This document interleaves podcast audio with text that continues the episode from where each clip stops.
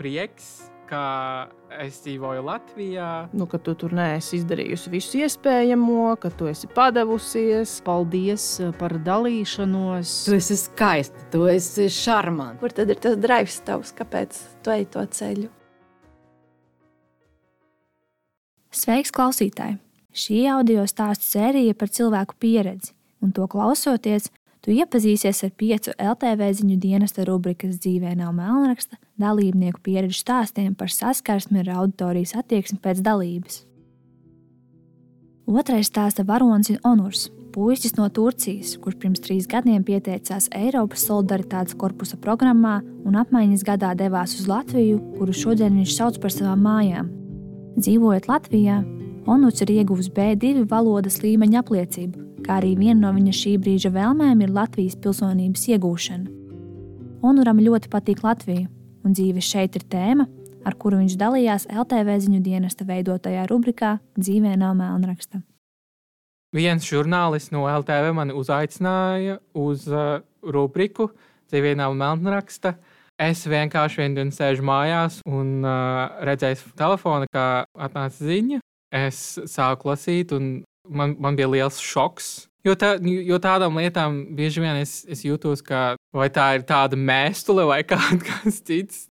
Tas bija pilnīgi, pilnīgi negaidīti. Tajā laikā es arī gribēju saprast, kā viņš mani atrada. Jo es laikam uh, nejūtos tāda īpaša, kā es būšu Latvijas televīzijā, nu, runā par savu, savu dzīves stāstu. Tas bija arī liels šoks, bet patīkams šoks.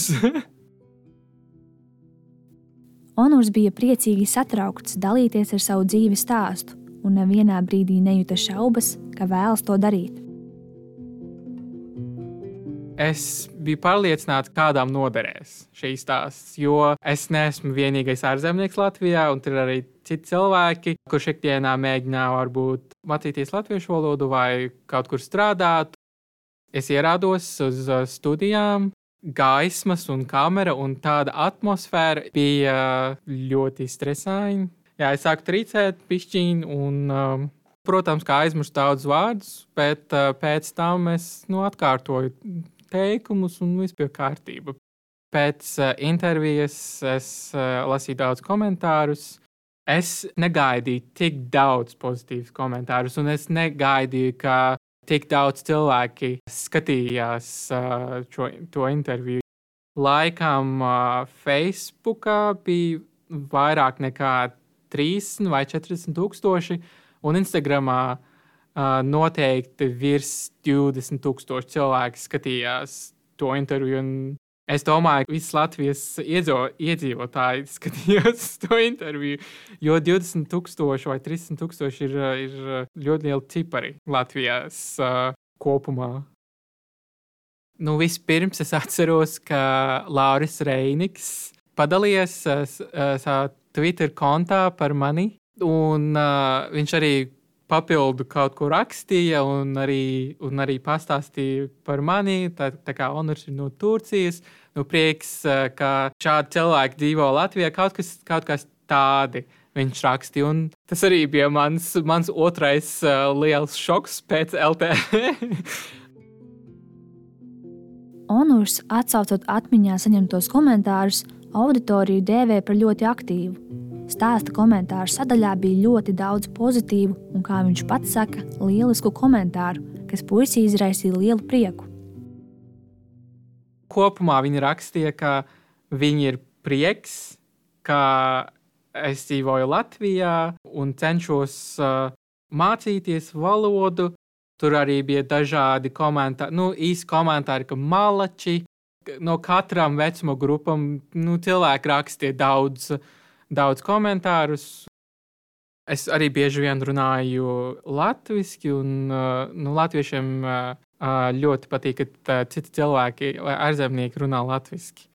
Man ir liels prieks, ka cilvēki redz, kā es, kā es cenšos būt Latvijas sabiedrības daļa tas bija liels prieks, kad, kad es nu, redzēju to, ka, ka cilvēki novērtē man labā veidā.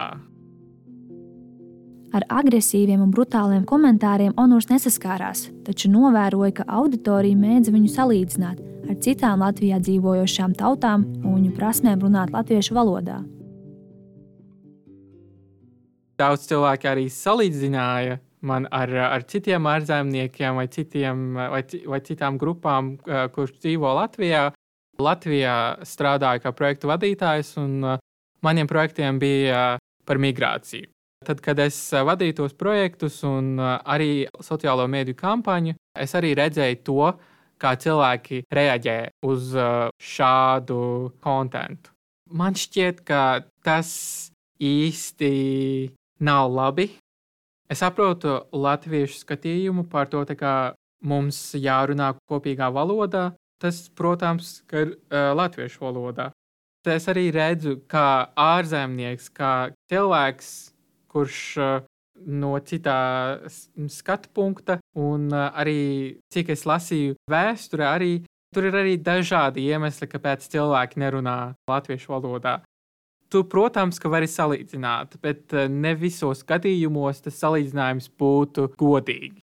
Manuprāt, mēs varam tikai atrast veidus, kā popularizēt latviešu valodu, nesodot cilvēku pēc intervijas publicēšanas mani kolēģi sāk rakstīt, ja tajā pašā vakarā nosūta to ekrānu šāviņu no um, Laura Reinika konta Twitterā.